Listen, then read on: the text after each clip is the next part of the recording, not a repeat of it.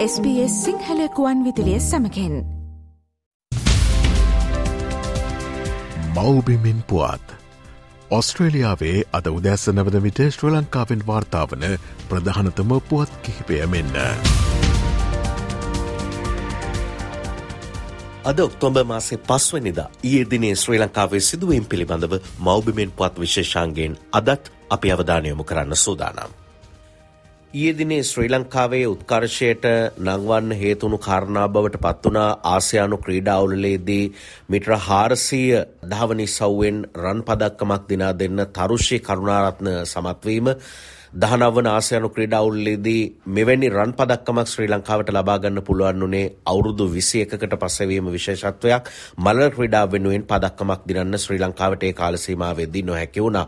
තරුෂ්‍ය කරුණාරත්න වගේම ශ්‍රී ලංකාවේ මීට්‍ර හාරසීය සහයදවීමේ කාන්තා පිරිමි කණ්ඩායම් දෙකම ආසයනු තරගාවලිය ලෝකට පදක්කම් දිනා දෙන්න සමත් වුණා මීට ප්‍රධානම හේතුවනේ ඊට දිනයකට කලින් ශ්‍රී ලංකාවට මීට්‍ර හාරසීය මිශ්‍රධාවනි සව්වේ රිදී පදක්කම අහිමි වෙන්න බලපෑ කාරණයත් එක්ක අපි එතරම් අවාසනාවන්තද කියන කාරණය ක්‍රීඩාවට ආදරය කරන බොහෝ දෙනෙක් සාකච්ඡා කරමින් හිටියා. එවැනි වෙලාවක තමයි තරුෂ්‍ය කරුණාරත්න මීටර 800 කාන්තා ධාවනී සව්වෙන් රන් පදක්කමත් මීටර 400 කාන්තා සහ පිරිමි ධාවනී සව් වලින් ලෝකඩ පදක්කම් දිනා දෙන්නත් එම සහාය දීමේ කණ්ඩායම් සමත් වුණේ. ඊයේ ශ්‍රී ලංකාව පිළිබඳව ජයග්‍රාහී ලීලාවෙන් කතා කරපු කාරණය බවට පත් වුණේ ආසියානු ක්‍රීඩාවුල්ලේදී ශ්‍රී ලංකා මල්ල ක්‍රීඩකයන් කාලයකට පස්සේ දැක් වූ දක්ෂතා.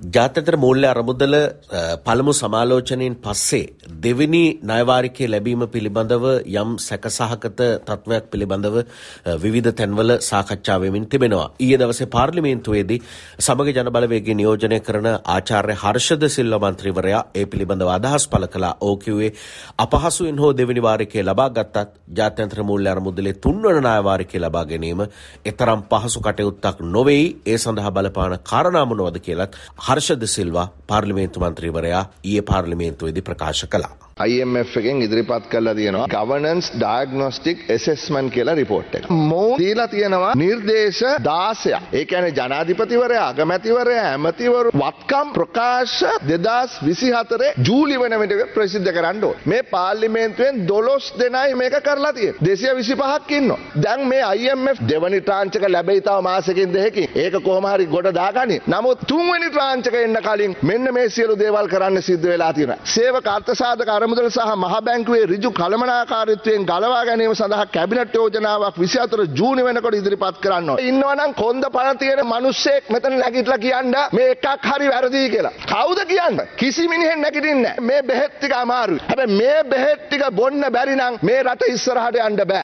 මෙවන විට ශ්‍රී ලංකාවේ විදුලි බිලි ඉහළ දැමීම පිළිබඳව විදුලි බල මණ්ඩලය මහජන උපයෝගිතා කොමිසමෙන් අවසරයක් ඉල්ලලා තියෙනවා.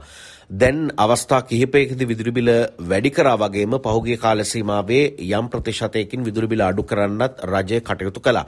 මෙහි බලපෑම නිසා විශේෂයෙන්ම නිෂ්පාදන ආර්ථිකයට බලපෑම් එල්ලවන බව කිසිම රහසක් නැහැ. ඉතින් ඒ සඳහා බලපාන කාරණා පිළිබඳව සමග ජන බලවේගයේ නියෝජනය කරන අජිත් මාන්නප්පිරුව මන්ත්‍රීවරයා පාර්ලිමේන්තුවේදී ප්‍රශ්න කරා මෙවැනි වර්ෂා සහිත කාලයක ඇයි විදුලි බල මණ්ඩලය බිල ඉහළ දමන්න හේතු මොනවද කියන කාරණය අජිත් මාන්නප්පිරුව මන්ත්‍රීවරයාය පාර්ලිමේන්තුවේදී ප්‍රශ්න කරේ.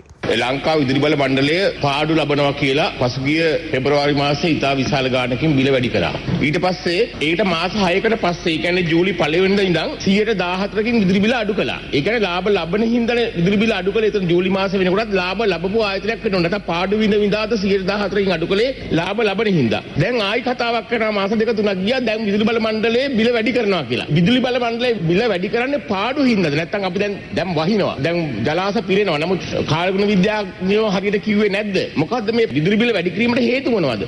මේ ඊට ප්‍රතිචාර දක්වපු විදුලි බල හා බලශක්ති අමාත්‍ය කංචන විජේසේකර තවමත් අවශ්‍ය වර්ෂාපතනය ලැබෙන්නේ නැහැ අපේ ජලවිදුලි බලාගාර තිබෙන ප්‍රදේශවලට. විශේෂම වික්ටෝරියා, රන්දිනිගල, රන්ටැඹේ, සමනලව වැනි ප්‍රදේශවලට ලැබෙන ජල ධාරිතාව වර්ෂාපතන ඉතාමත්ම අඩු මට්ටමින් පවත්වාගෙන යන්නේ. විශේෂම අද උදෑසන වන විටත් සමනල ජලාශය තවමත් විදුලිය ජනනය කිරීම සඳහා අවශ්‍ය ප්‍රමාණයෙන් 23යි ඒ ජල විදුලි බලාගාරයේ ධාරිතාව වශයෙන් තියෙන්නේ. ඒ වගේම වික්ටෝරියා වගේ ජලාශ ගත්තම 17ක මට්ටමක පවතින්නේ. නමුත් සමහර ජලාශ තියෙනවා මවුස්සා කැලේ වැනි ජලාශවල 70 70 පහ දක්වා වර්ෂාපතන නිසා ඒ ධාරිතාව වැඩි වෙලා තියෙනවා. නමුත් අපේ වර්ෂාපතනය ලැබෙන්නේ අපි බලාපොරොත්තු වෙන ප්‍රදේශවලට නොවේ කියන එකත් පළමුවෙන්ම සඳහන් කරන්න ඕන.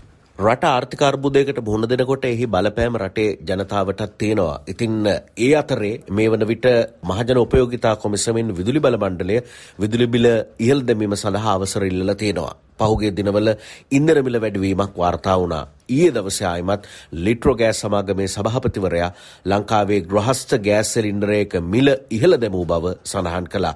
ඊට බලපෑ කරුණු සහ මිල ඉහළ යාම පිළිබඳව අදහස් පළ කරපු ලිට්‍රෝ සමාගමේ සභාපති මුදිත පීරිස්. පෞගිය මාස කීපය බැලුවොත්තේම විශාල මිල ඉහළ යෑම් කීපයක් අපි නිරීක්ෂණය කරන්න සිද්ධ වුණා. නමුත් ඒ මාස කීපය තුළ අපි ඉතාමත් සුපරීක්ෂාකාරීව වැඩ කරපු හින්දා අපිට පුළුවන් වුණා වැඩි වෙන මිල ගණන් යම් තාක් දුරකට පාලනය කරලා වෙනදාට වගේ විශාල මිල ගණන් වලින් වැඩි නොකර යම් තාක් දුරකට පාලනයක මේ මිල රඳව ගන්න. නමුත් තවදුරටත් මේක වැඩි නොකර හිටියොත් අපි ආයතනයත් සමවරව පවත්වාගෙන රාජ්‍ය ආයතනයක් විදිහට ජනතාවට වග කියන ආයතනයක් විදිහට තියෙන ගම මිල ගණනුත් කළමනාකරගෙන කරගන්න ඕන නිසා අපි මේ මාසේ තීරණය කරා මිල වැඩි කරන්න.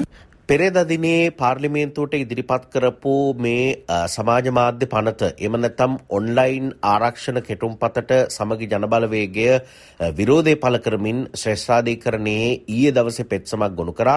මේ මාර්ගගතවල සුරක්ෂිත භාවය පිළිබඳව පනත් කෙටුම්පත ආණ්ඩුක්‍රම ව්‍යවස්ථාවේ මූලික අයිතිවාසිකම් වලට පටහැනි කියලා මත පළ වෙද්දි තමයි මේ පිළිබඳව විරෝධය පළ කරන්න සමගි ජනබලවේගය තීරණය කළේ. මේ සමාජ මාධ්‍ය පනත සම්බන්ධයෙන් රජය ගැසට් නිවේදනයකුත් ප්‍රකාශයට පත් කරලා තිබුණ මේ පනත හඳුන්වා දීම පිළිබඳව අරමුණු විදියට හඳුන්වලා තිබුණේ මාර්ගගත ක්‍රමවල සුරක්ෂිත භාවය පිළිබඳ කොමිසමක් පිහිටුවීම ඇතුළු කාරණා කිහිපයක්. ඉතින් මේ කාරණා පදනම් කරගෙන ඊයේ දිනේ සමගි ජනබලවේගය ශ්‍රේෂ්ඨාධිකරණය හමුවේ පෙත්සමක් ගොනු කරන්න කටයුතු කළා. එමනම් නැවතත් හෙට දිනෙත් මෞබිමෙන් පුවත් විශේෂන්ගෙන් හමුවීමේ බලාපොරොත්තුවෙන් අදට සමුගන්නවා මම ශ්‍රී ලංකාවේ සිට මනෝජ් උදටියාවල.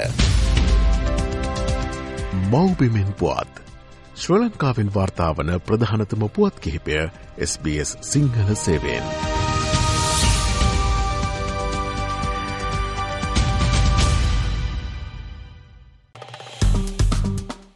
ලයි කරන්න ෂයා කරන්න අදහස් ප්‍රකාශ කරන්න SBS සිංහල ෆස්බුක් පිටුව ෆලෝ කරන්න.